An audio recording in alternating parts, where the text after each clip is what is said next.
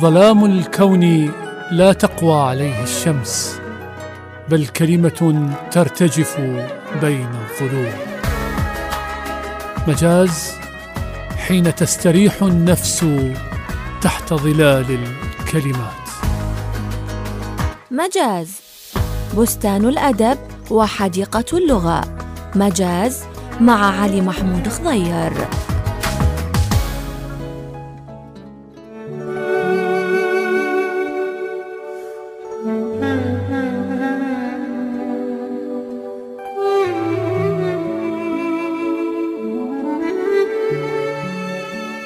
أطيب تحية وأجمل سلام لكم أحبتي مستمعين الكرام في كل مكان. حلقة جديدة ولقاء جديد من برنامج مجاز راديو تايمز سكوير. على الهواء مباشرة وعلى مدار ساعة كاملة سنكون معا. أنا علي محمود خضير في الإعداد والتقديم. يرافقني في الإخراج والتنفيذ الزميل المبدع مصطفى نزار. فكونوا في القرب.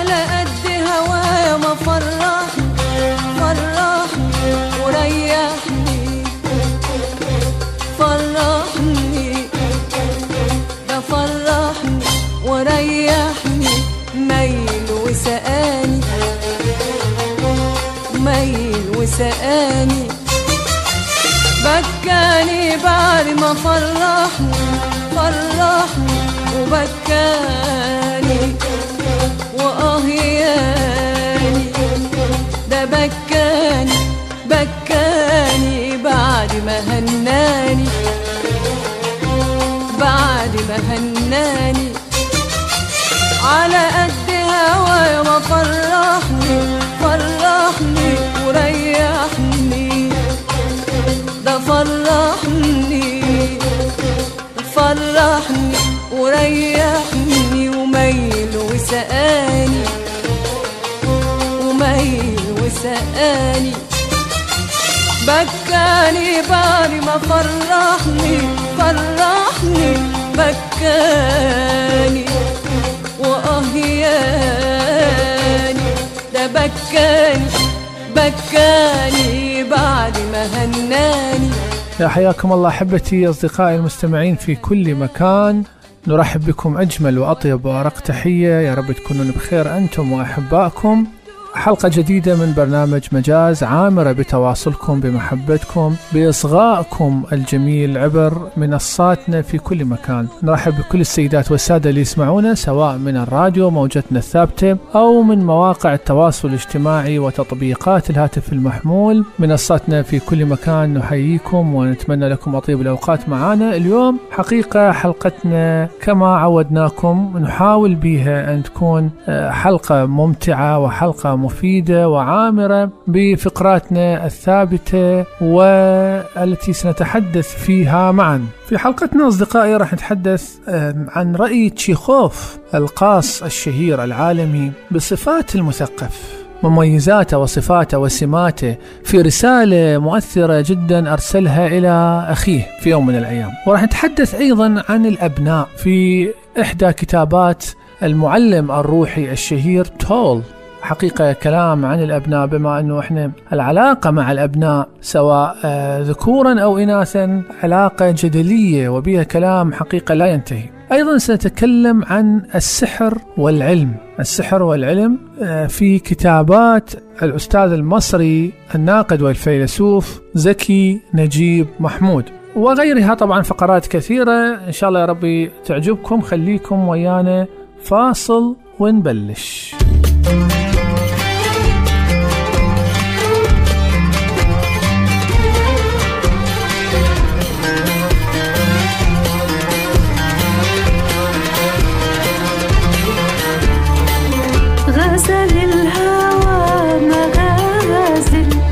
صفوني قمار قمار غزل الهوى مغازل.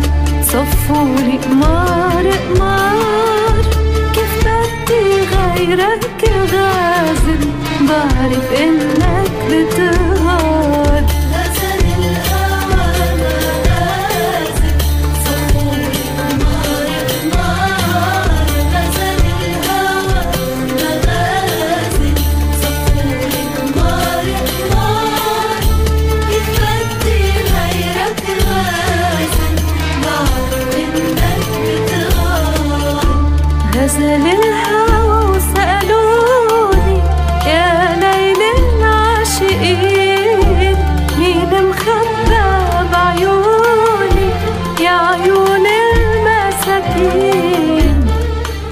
مرحبا بكم من جديد أصدقائي. آه، قبل أن نبدأ بفقراتنا نتحدث عن الفعاليات الثقافية. الحقيقة عندنا خبرين. الخبر الأول أنه معرض البصرة الدولي للكتاب. هذه الفعالية المهمة التي حققت في السنة الماضية حضورها الكبير إعلاميا وشعبيا وكانت حدث حقيقة هي معرض البصرة الدولي الأول اللي أقام جمعية الناشرين. ومثل ما نعرف إحنا أنه معارض الكتاب في العالم تقام بشكل دوري كل سنة. هذا اللي يصير في معرض أربيل اللي يصير في معرض بغداد. بغداد على فكرة عندها معرضين عندها معرض العراق الدولي للكتاب وعندها معرض الب... آه، معرض بغداد الدولي للكتاب. فإحنا كان كجمهور البصرة الثقافي كان من المؤمل أن يقام معرض البصرة الدولي للكتاب هذا العام في شهر العاشر شهر تشرين الأول. لكن مثل ما صار العام العام صار في آخر عشرة أيام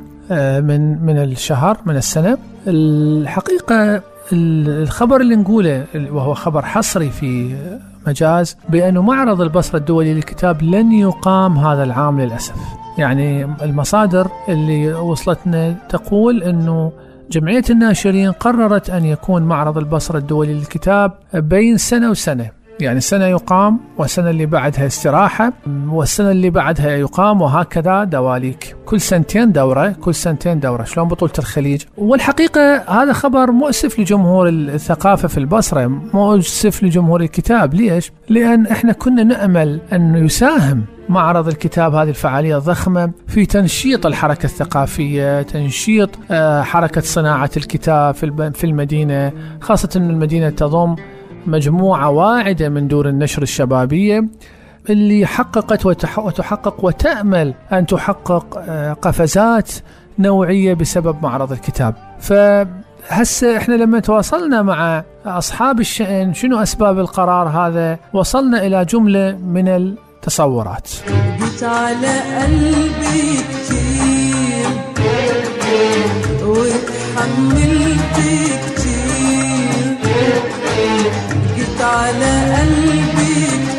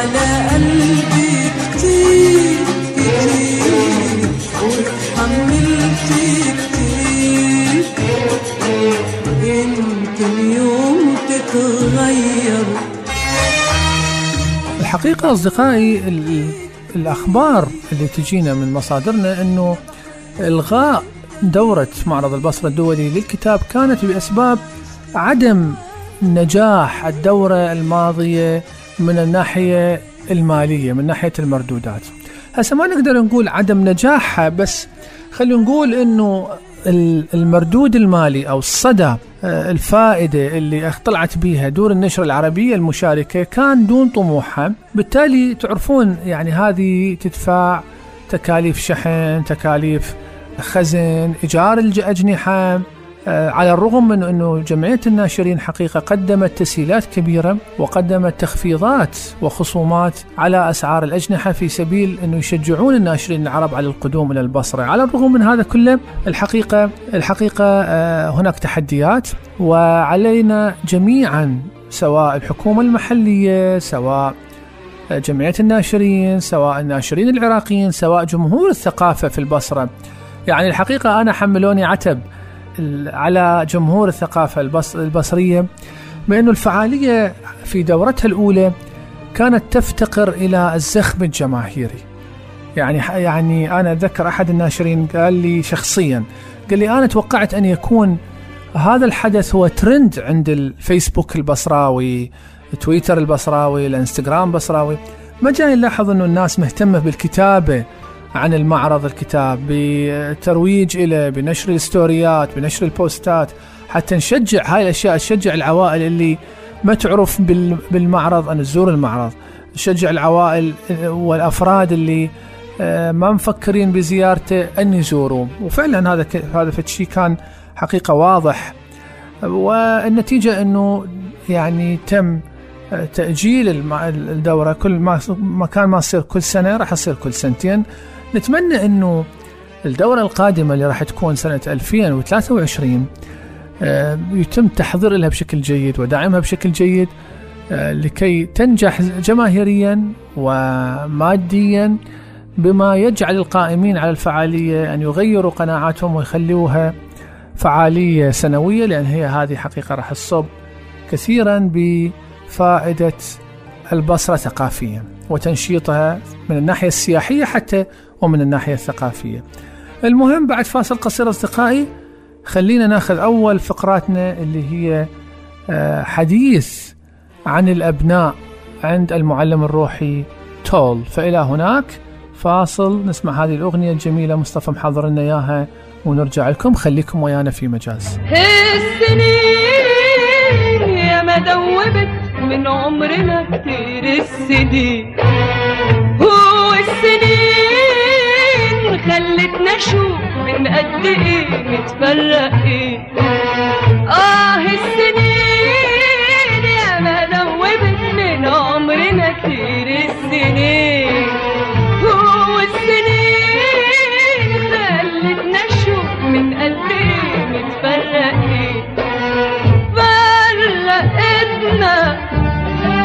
غربتنا تعبتنا. فرقتنا آه غربتنا تعبتنا. آه السنين يا ما دوبت من عمرنا كتير السنين. آه السنين خلتنا نشوف من قد إيه متفرقين.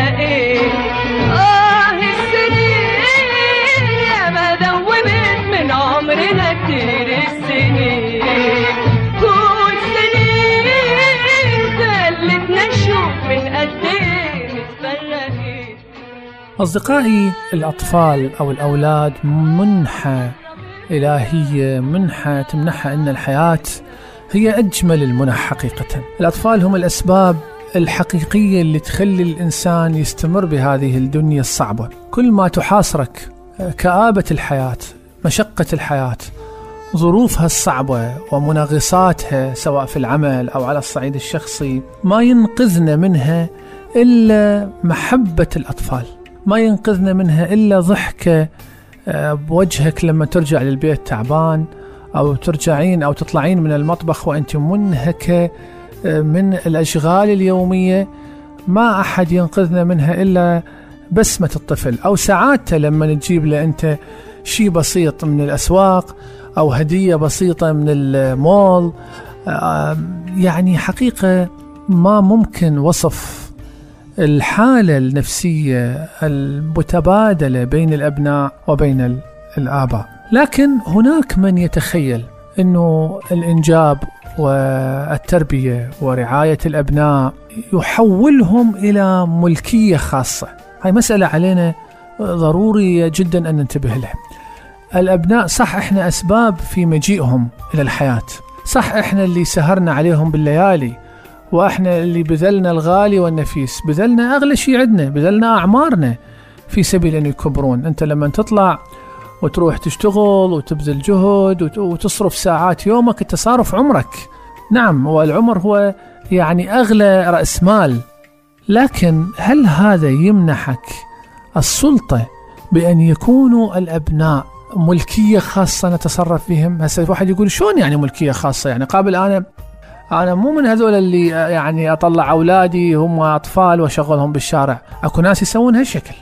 نشوفهم بالتقاطعات. قسم من الأطفال تحولوا إلى تجارة عند بعض ضعاف النفوس عند بعض الكائنات اللا بشريه خلينا نسميهم.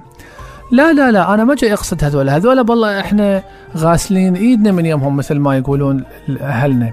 أنا أتحدث على الآباء الطبيعيين الذين يعتقدون أو الأمهات اللي تعتقد أنه أنا دائما أفهم من ابني بمصلحته. أنا دائما أعرف الصح والخطأ. نعم أنت ربما سابقة بالعمر سابقة بالتجربة آه، عندك واصل لسن الرشد لكن وممكن دائما أن تزدي النصح والتوجيه والإرشاد لكن احرص دائما على أن تعطي المساحة الكافية لابنك حتى يعبر بها عن نفسه. ونلاقاكم حبيبي سلموا لي علي.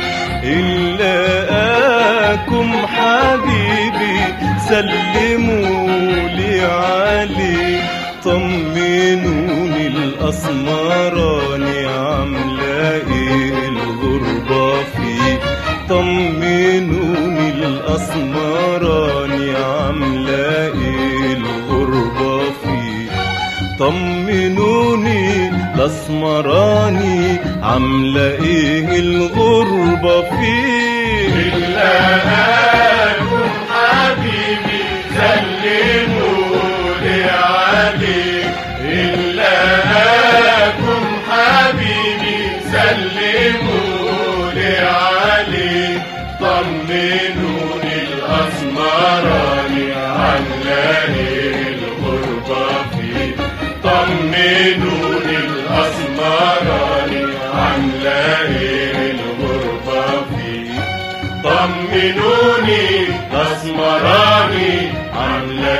الغربة فيه سواح وأنا ماشي ليالي سواح ولا داري بحالي سواح.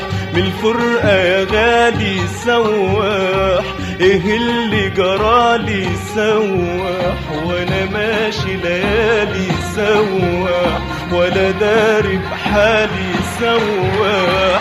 الفرقة يا غالي سواح. إيه اللي جرالي سواح وأنا ماشي ليالي سواح ولا داري بحالي سواح بالفرقة غالي سواح إيه اللي جرالي سواح وأنا ماشي ليالي سواح وأنا داري بحالي سواح بالفرقة غالي سواح إيه اللي جرالي وسنين. وسنين وأنا دايب شوق وحنين عايز أعرف بس طريقه منين. وسنين وأنا دايب شوق وحنين عايز أعرف بس طريقه منين. الحقيقة العالم الاجتماعي إيكارت تول وهو عالم ألماني معروف عنده كتاب جميل اسمه قوة الآن. يتحدث في إحدى فصولها عن العلاقة بين الآباء والأبناء. حقيقة ينتقد إحساس الآباء بالأعلمية المطلقة على أبنائهم. دائما يقول لك الأب والأم يحس أنه هو أعلم من ابنه في شؤونه. نعم قد تكون هذه في مراحل مبكرة من حياة الطفل لكن اعلم عزيزي الأب والأم بأنه هذا الشعور يتناقص كل ما تقدم تتناقص صحته كل ما يتقدم ابنك بالعمر. كل ما يكبر ابنك راح يكون هو أيضا أعلم بشؤونه أعلم بمصلحته لأن هو يعرف إمكانياته يعرف إحساسه يعرف آه خلينا نقول الشيء اللي يحبه والشيء اللي ما يحبه يعرفه أكثر منك بطبيعة الحال. فما يصير تبقى متحكم قوم اقرا بهالوقت قوم نام بهالوقت قوم ادرس بهالوقت اكل هذه الأكلة الفلانية رضيت أو ما رضيت؟ أنت ليش ما تأكل فلان شيء؟ هذا بيه صحة هذا بيه فيتامينات. نعم أنت قدم له. النصيحة قدم له المعلومة واترك إلى الخيار. ربما هو ما يعجبه الأكلة الفلانية ما يعجبه يدرس بالساعة الفلانية لكن يدرس بعد ساعة. فهو أفضل أنه يختار التوقيت الجيد. أنت المهم عندك كينونة الفعل. شنو كينونة الفعل؟ الخلاصة المغزى نوعيته. أنا المهم عندي أنه ابني يقرأ. هسه قرأ من الفجر أو قرأ في ساعة متأخرة من الليل أو قرأ الظهر؟ خليه هو يختار الساعة اللي يقرأ بها لكن بالنهاية يكون يقرأ واجباته ويحضرها. من المهم عندي أنه ابني يتعلم إنه هناك شيء اسمه الصديق السيء بس مو توصل درجة إنه أنا امنعه تماما إنه يختلط مع المجتمع وبالتالي ما يعرف حتى يكون ولا يعرف يندمج ولا يعرف يجامل. أكو ناس عندنا ما يعرف يق- يقعد يم ناس ما يعرف حتى يحكي. هذا متعرض إلى حالة من الضغط الأسري الشديد اللي مخليه يفقد مهارة الحوار مع الآخر. صح لو لا؟ وهكذا إحنا أحيانا نضطهد أولادنا بسبب محبتنا الزايدة وحرصنا الزايد وخوفنا الزايد عليهم. وهذا الشيء مو صحيح. علينا أن نوازن. علينا أن نثقف نفسنا. علينا أن نطور نفسنا دائما. علينا أن ننصت ونصغي إلى إيقاع العصر. شوف عصرنا. هسه الإمام علي شو يقول؟ ما يقول آه، ما معناه إنه أولادكم يعني هيئوا لحياة غير حياة اللي أنتوا لعصر ولزمان غير زمانكم لثقافة لمرحلة لطباع. فما يصير أنت تعلمه دائما بماذا؟ بثقافة الماضي وتعاليم الماضي. مفروض أنت بذكائك أن تطور وتحدث من نفسك. لا تصير قولة المصريين دقة قديمة. هسا إحنا ما نريد ناخذكم بالحكي خلينا نسمع هذه ال- ال- الحديث من هذا الفصل لكتاب قوة الآن التي يتحدث عن العلاقة مع الأولاد. نسمعها بصوت الزميلة العزيزة لبنى الفضل. نسمع لكم نسمعها سوية ونرجع لكم في مجاز. خليكم ويانا. إيكارت تول كاتب ألماني ومعلم روحي شهير. أطلقت عليه جريدة نيويورك تايمز لقب المعلم الروحي الأشهر في عصره. ألهمت كتبه الكثيرين. ونال كتابه قوة الآن شهرة عظيمة. يدعو إيكارت تول لأرض جديدة تشاد على قيم السلام والحضور والسكون والوعي واليقظة. ويفرق في فلسفته الروحانية بين الجوهر أي الكينونة والمظهر أي الهوية والأنا وبين الذكاء والبراعة وبين الدين والروحانية. وفي تعاليمه لا يسعى لإقناع أحد بأفكار جديدة أو إضافة معارف ومعلومات. ولكن الوعي واليقظة هو ما يركز عليه ويصبو إليه ويرى أن الوجود أعمق بكثير من الوجود الفيزيائي والفسيولوجي. وعلى صعيد التربية يرى أن مساحة الحرية لازمة للأطفال في طريقهم للنضج قائلا في كتابه أرض جديدة. إذا كان لديك أولاد يافعون فقدم لهم العون والإرشاد والحماية قدر ما تستطيع. لكن أهم من ذلك كله امنحهم المساحة. المساحة لكي يحققوا أنفسهم. لقد جاءوا إلى العالم من خلالك لكنهم ليسوا ملكك. وقد تكون فكرة أنا أدرى بصالحك صحيحة في طفولة الأولاد. لكن كلما كبروا قلت صحة هذا الافتراض. وعن أهمية هذه المساحة رغم الأخطاء والأخطار التي قد تحملها وبسببها ينبه الآباء أن لا يتقمصوا دور الوعظ الحامي من التجارب وأن يتركوا لأطفالهم فرصة للنضوج. يقول قد يرتكب الأطفال الأخطاء من منظورك أنت فحسب فما قد تعتبره خطأ هو بالضبط ما يحتاج أولادك إلى فعله أو اختباره. قدم لهم قدر ما تستطيع من العون والإرشاد. لكن فلتدرك أنك قد تضطر أحيانا إلى السماح لهم بارتكاب الأخطاء لا سيما حين يبدأون ببلوغ سن النضوج. أحيانا قد تضطر أيضا إلى أن تدعهم يعانون. قد يعانون الألم بلا أي سبب محدد وقد يكون هذا الألم نتيجة أخطائهم هم. ويتساءل البعض ألن يكون رائعا أن توفر على أولادك كافة أشكال الألم؟ فيجيب إيكارت.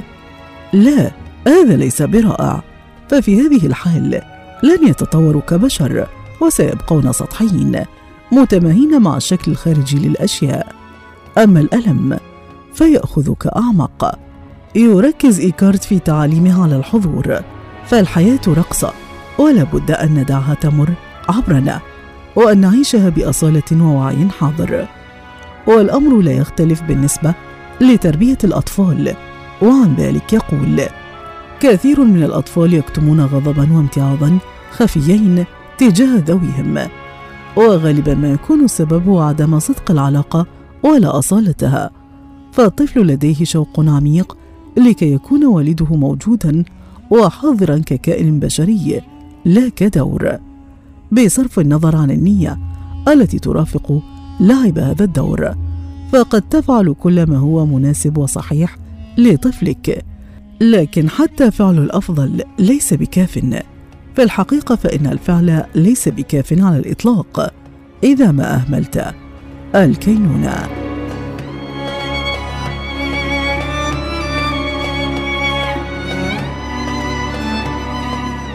إذا تبقى المسألة مفتوحة على الحوار مفتوحة على هذا الإحساس أو مرونة الإنسان بالإحساس بتبدل العصر. وأنه تكون أنا عندي مو بس مجرد أنا حرصي على ابني يخليني أنسى الظروف اللي هو يعيشها الأحلام اللي هو يعيشها الطموحات الإمكانيات اللي هو يمتلكها اللي قد تختلف بيناتنا. فلازم هذا الخيط يبقى ممتد لا هو مشدود فينقطع ولا هو مرتخي جدا فيعني تضيع العلاقة وتتماه وتتلاشى بين الآباء والأبناء. مستمرين معكم خليكم ويانا. يا مرحبا. نسمع هاي الأغنية وراجعين. على نار الشوق أنا حستنى وأصبر قلبي وأتمنى على نار الشوق أنا حستنى وأصبر قلبي وأتمنى. على بال ما تجيني على بال ما تجيني وتهنى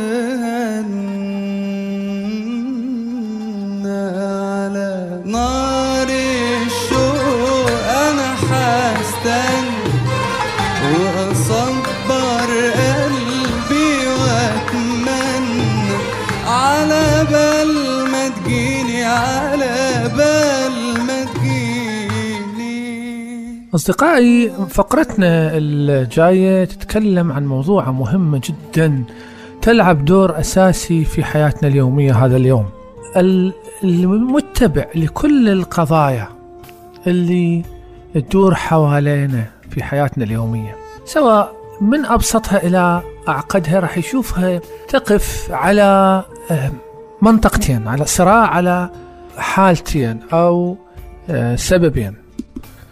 الأسباب العلمية والأسباب الغير علمية اللي هي تنقسم يا إما إلى السحر أو الشعوذة أو الحسد أو آه، القسم يسميها عين قسم يسميها يعني المهم إذا نريد ناخذ ظاهرة بسيطة مثل ظاهرة الكورونا من صار كورونا.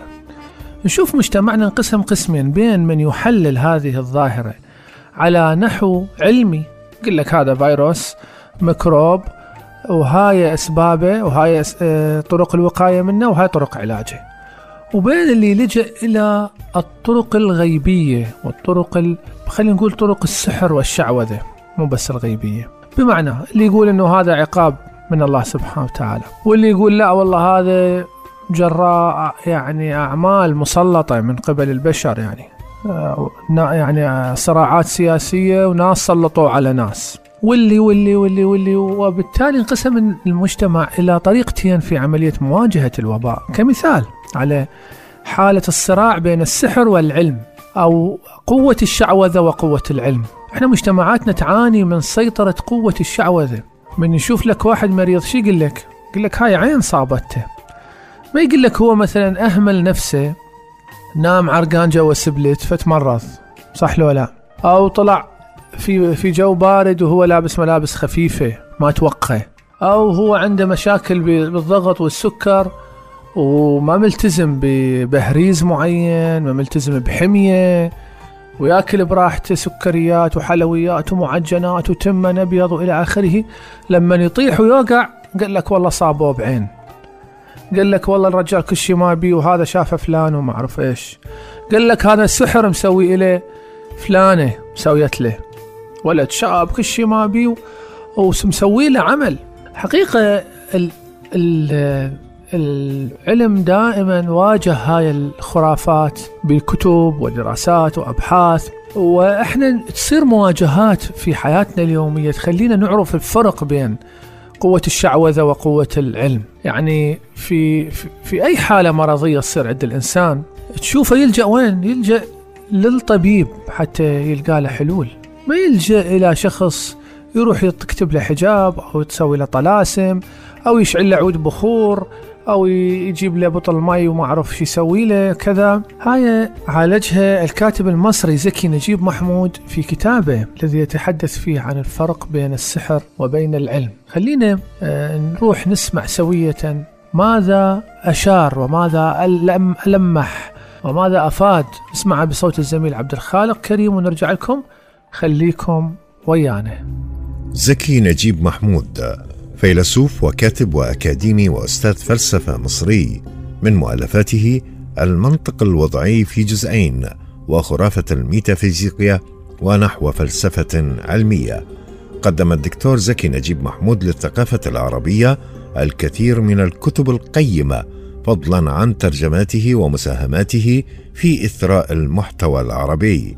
واختياراته المهمة في الترجمة أيضا مثل سلسلة تاريخ الفلسفة الغربية للفيلسوف البريطاني بريتراند راسل بالمشاركة مع أستاذه أحمد أمين أو ترجمته لأجزاء من قصة الحضارة للمؤرخ الأمريكي ويلديورانت كما قام بتأليف عدد من الكتب الفكرية والفلسفية الرائعة أشهرها هو كتابه تجديد الفكر العربي والذي تنشره دار الشروق المصرية.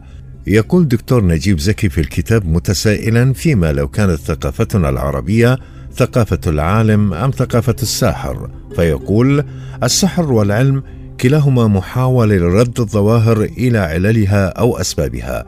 غير أن الساحر لا يقلقه أن يرد الظاهره الباديه للعين إلى علة غيبية ليس في وسع الإنسان أن يستحدثها أو أن يسيطر عليها. وأما العالم فهو لا يقر نفسا إلا إذا رد الظاهره المحسوسه إلى علة محسوسة كذلك. ليمكن بعد ذلك أن نوجد هذه العلة المحسوسة فتتبعها الظاهره إذا أردنا. الساحر والعالم يقفان معا إلى جانب مريض ليعمل على شفائه. فأما الساحر فيربط الظاهره المرضيه بالجن والعفاريت وأما العالم فيربطهما بجرثومة معينة.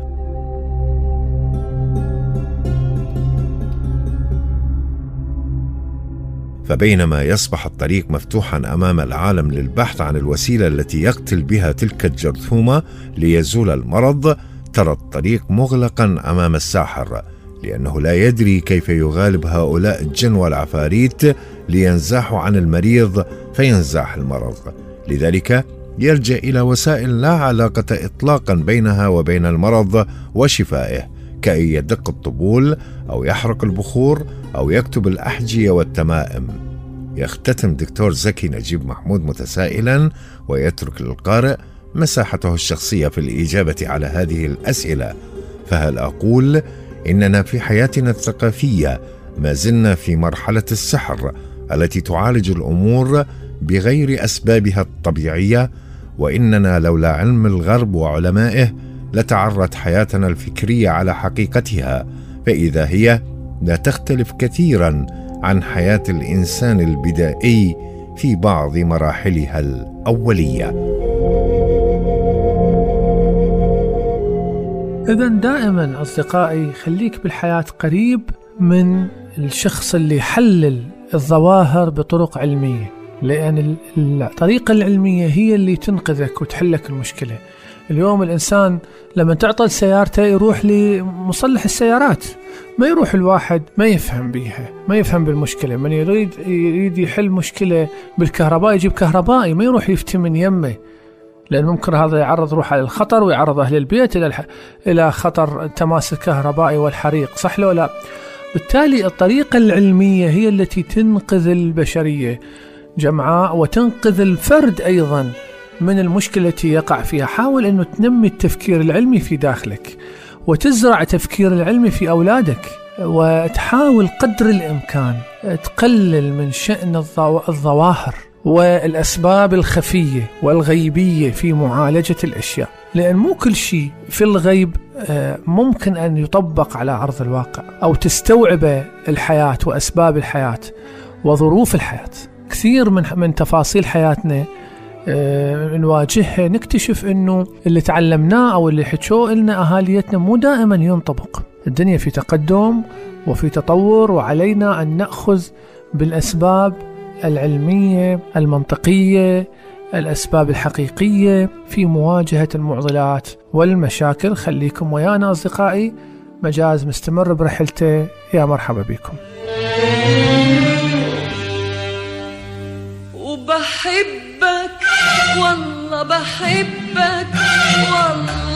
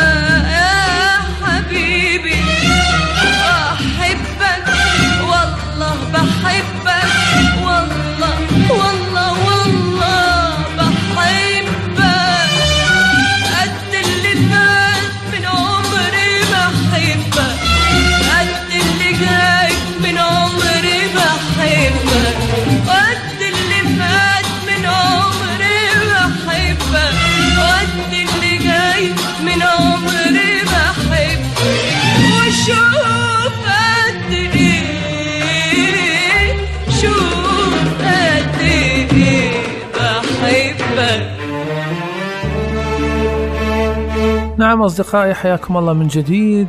دائما نسمع كلمة الثقافة في حياتنا اليومية. نسمع كلمة هذا رجل مثقف هذا رجل تعبان على نفسه. الحد ما ال- الثقافة صارت عندنا إلها فت صورة ذهنية في بالنا إنه هذا الرجل المثقف لازم شخص يحكي فصحى ولابس قاط ومنعزل وغريب الأطوار وكلامه كله في أمور ما نعرفها وما نفهمها. صارت عندنا تصور إنه المثقف شخصيه ها ودائما يكون ضد الدين مثلا ولازم يكون مثلا آه، من جماعة اللي يتجاوزون على آه، معتقدات الآخرين أو يكون عنده وضع معين وضع شخصي وضع آه، آه، اجتماعي. هذه التصورات مو صحيحة. إحنا ماخذين من فكرة المثقف آه، القشر الشعار والجوهر ناسينه. مضيعيه أو مغلسين عليه بالتعبير الشعبي. المثقف مو بالقراءة هو الكتابة. مو المثقف اللي يحط له هاي الشفقة شايفيها هاي الشفقة صايرة دائرية؟ أو يلبس له يلق شو قبوط ويحط له جقارة pipe ويلف له لفاف. أو يشيل له كتاب ويقص سيلفي بشارع الفراهيدي. أو يحكي له حكايتين غريبات ما مفهومات. أو مثلا يجدف على الذات الإلهية ويتجاوز على الأديان. أو مثلا اللي يشرب المشروبات الروحية. مو؟ هو هذا التصور ترى الاجتماعي للمثقف. المثقف سلوك وحضارة الثقافة والكتاب. إذا ما حولت الإنسان إلى سلوك متحضر ما لا تسميه مثقف. لو قرأ لك عشرة آلاف كتاب لو لبس لك وقص لك وراح للمتنبي وفرهن كلهن ذني شوارع الثقافية في في العراق. كذلك الحال للطبيب إذا ما سوى له إنجاز بشفاء مريض. كذلك الحال عالم الدين إذا لم يلتزم بصفات عالم الدين الحقيقية الروحية والسلوكية. كذلك المعلم كذلك ال- ال- النجار كذلك ضابط الشرطة كذلك المسؤول إذا لم يلتزم بالسلوك الحقيقي على الأرض وعلى الواقع لا يمكن أن يعني ينال هذه الصفة ويتبجح بها.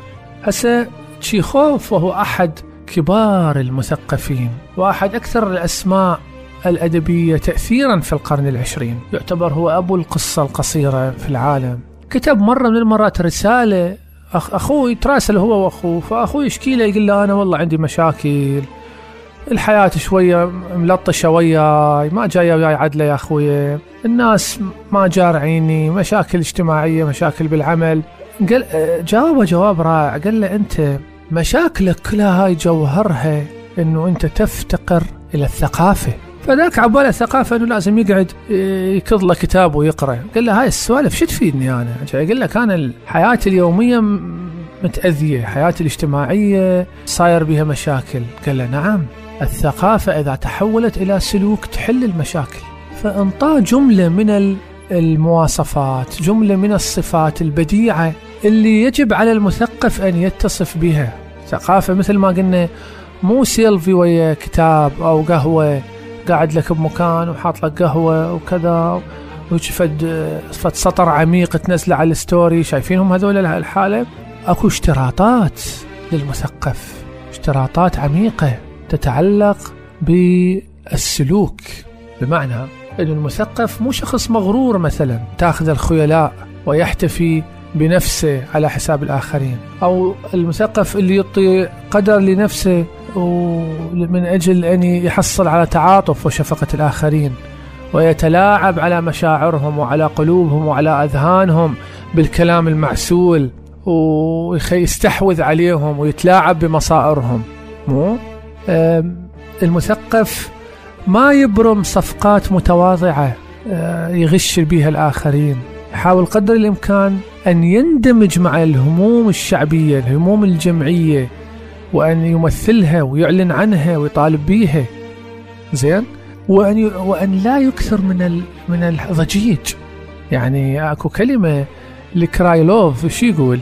يقول البرميل الفارغ من الطق عليه ها؟ يطلع صوت أعلى من الصوت من البرميل المليان. وهو فارغ. يعني مو شرط الإنسان اللي صوته عالي ويهوس ومتصدر وكذا هو هذا اللي بيه الخير. لأن هذا قد يكون فارغ. نبحث ونشغل مجساتنا حتى نكتشف المواهب الحقيقية ونحترمها ونعليها ونقدم لها سبل أن تتصدر وأن تتقدم. شوف مجتمعنا هسه يا ظواهر اللي متصدرته. تلقاها كلها ظواهر سطحية مع الأسف. ظواهر آه، تتسم بالضحالة ولا ذول اللي لازمين هسه الترند العراقي في في ال social media. شنو شنو ال- المحتوى اللي يقدموه؟ شنو الحس الجمالي اللي يقدموه؟ من تروح أنت تنام على المخدة بالليل إيش تتذكر؟ شنو شفت؟ على اليوتيوب وعلى الفيسبوك العراقي وعلى الإنستغرام شو استفاديت؟ شنو أضافت لك من حصيلة معرفية روحية فكرية؟ آه، شنو فادتك معلومة؟ حتى إذا يردون يضحكوك فيضحكوك بشي هزيل آه، سخيف ما إلى قيمة يا إما عنصرية يا إما تنمر يا إما آه، استهزاء بشخص من ذوي الإعاقة إلى آخره إلى آخره. مثقف كل واحد بينا هسه يسمعني هو مثقف أو بإمكانه أن يكون مثقف بسلوكه الاجتماعي. بانضباطه الاجتماعي مع الآخرين بصدقه وأمانته وإخلاصه بالعمل وطيبته ونظافته الشخصية ونظافته الاجتماعية. عندنا هسه كورنيش جديد سوته الحكومة المحلية وهي مشكورة حقيقة. الكورنيش كلش حلو أنا رحت شفته. هذا الكورنيش هو أكبر اختبار لثقافة البصريين في أن يحافظوا على الأقل على النظافة مالته. من أروح أنا أقعد على الشط أستمتع بوقت حلو أخذ لي شي سحب من ذني الباعة المتجولين وال وال والقشر ما ذبه بالقاع. القشر أحتفظ بيه يمي بورقة بچيس نايلون ومتروس الكورنيش مكانات مال حاويات أزبال وأشجي وأشمره ب- بالبط... بالش... بالزبالة. بطل الماي كذلك. أعقاب السجاير كذلك. أما أنا جيب وشمر جيب وشمر جيب وشمر شو يريد تصير البلدية؟ شو تريد تلحق البلدية؟ ما راح تلحق. صح لو لا؟ علينا أن لأن, لأن ترى هاي الأشياء تبين. البصرة هسه و- وجاي تستقبل سواح وجاي تس- وأكو خليجي بطولة الخليجي جاية. أنا أبسط شيء كان أكو أصدقاء عندنا من لبنان ومن من سوريا أدباء يزورون ال- البصرة. ورحنا للكورنيش. أباوع عليهم هم هذول الزوار. متعود لأن هناك برا خاصة في بعض الدول اللي تحترم مجتمعاتها أكو عقوبات تفرض على الأشخاص اللي يوسخون بالشارع ويتجاوزون على الممتلكات العامة. كانت بيده بطل مي وكان بيده يعني هذا الكيس مال بعض هذه الب- البساكت والحلويات. بقى محتفظ بيده بيها بيده ومذبها إلى أن مشينا وشاف حاوية مال أزبال وخلاها بيها. سلوك حقيقة محترم ويخليك تشعر ب- بحالة من من الفخر إنه الإنسان وصل إلى هاي الدرجة من الحضارة. ولا شو المثقف؟ إذا وسخ شو الفائدة بني يمه؟ شو الفائدة يعني؟ مثلا قرأت كتب الدنيا كلها. فلذلك إحنا نتمنى إنه مجتمعاتنا تنتقل إلى هاي المرحلة. الشارع اللي أنت ساكن بيه ترى يمثلك مو بس البيت مو بس قميصك يمثلك. لا حتى الشارع اللي انت بيه. عموما خلينا نروح نشوف مواصفات المثقف في رسالة شيخوف بصوت الزميلة شهلة محمد. تشيخوف وشروط المثقف. هو طبيب وكاتب مسرحي ومؤلف قصصي روسي.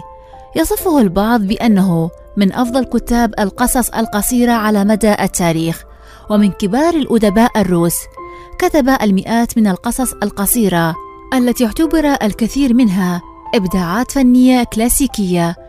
كما أن مسرحياته كان لها تأثير عظيم على دراما القرن العشرين. تم تجميع عدد من رسائله العائلية. في كتاب يحمل اسم رسائل إلى العائلة يرد فيه تشيخوف في رسالة إلى أخيه نيكولاي حين أرسل إليه يشتكي بأن الناس لا يفهمونه. فقال له إن الناس يفهمونك جيدا وإن لم تفهم نفسك فذلك ليس خطأهم.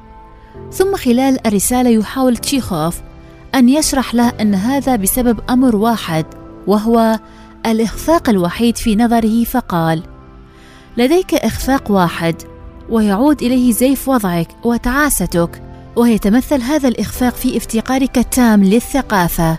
سامحني من فضلك لكن كما تعرف للحياة شروطها. فمن أجل أن تعيش مرتاحا بين المتعلمين ولتتمكن من معايشتهم بسعادة يجب أن تحوز قدرا محددا من الثقافة.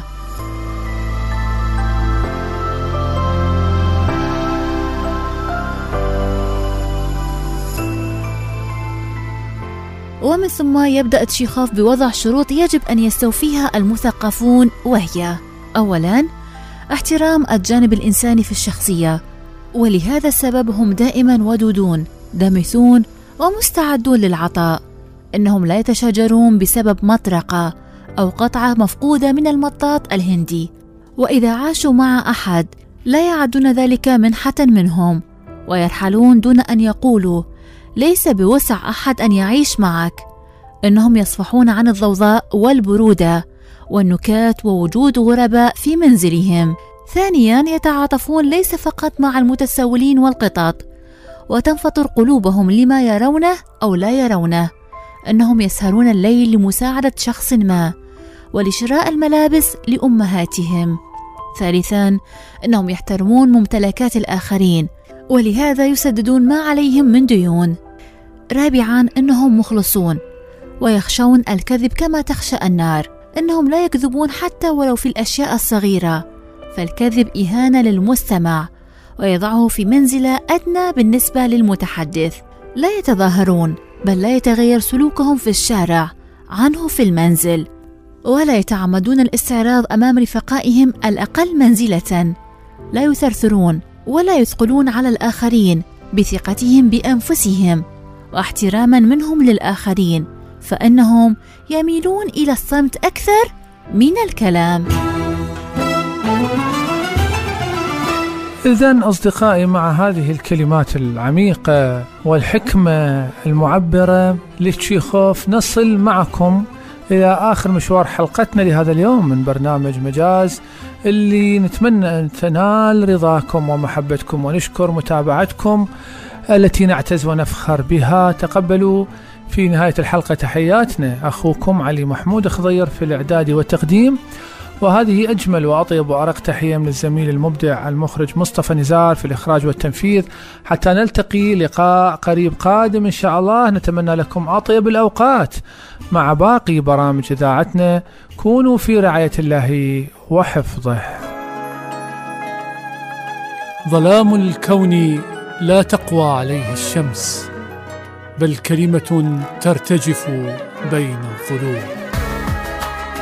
مجاز حين تستريح النفس تحت ظلال الكلمات. مجاز. بستان الأدب وحديقة اللغة. مجاز مع علي محمود خضير.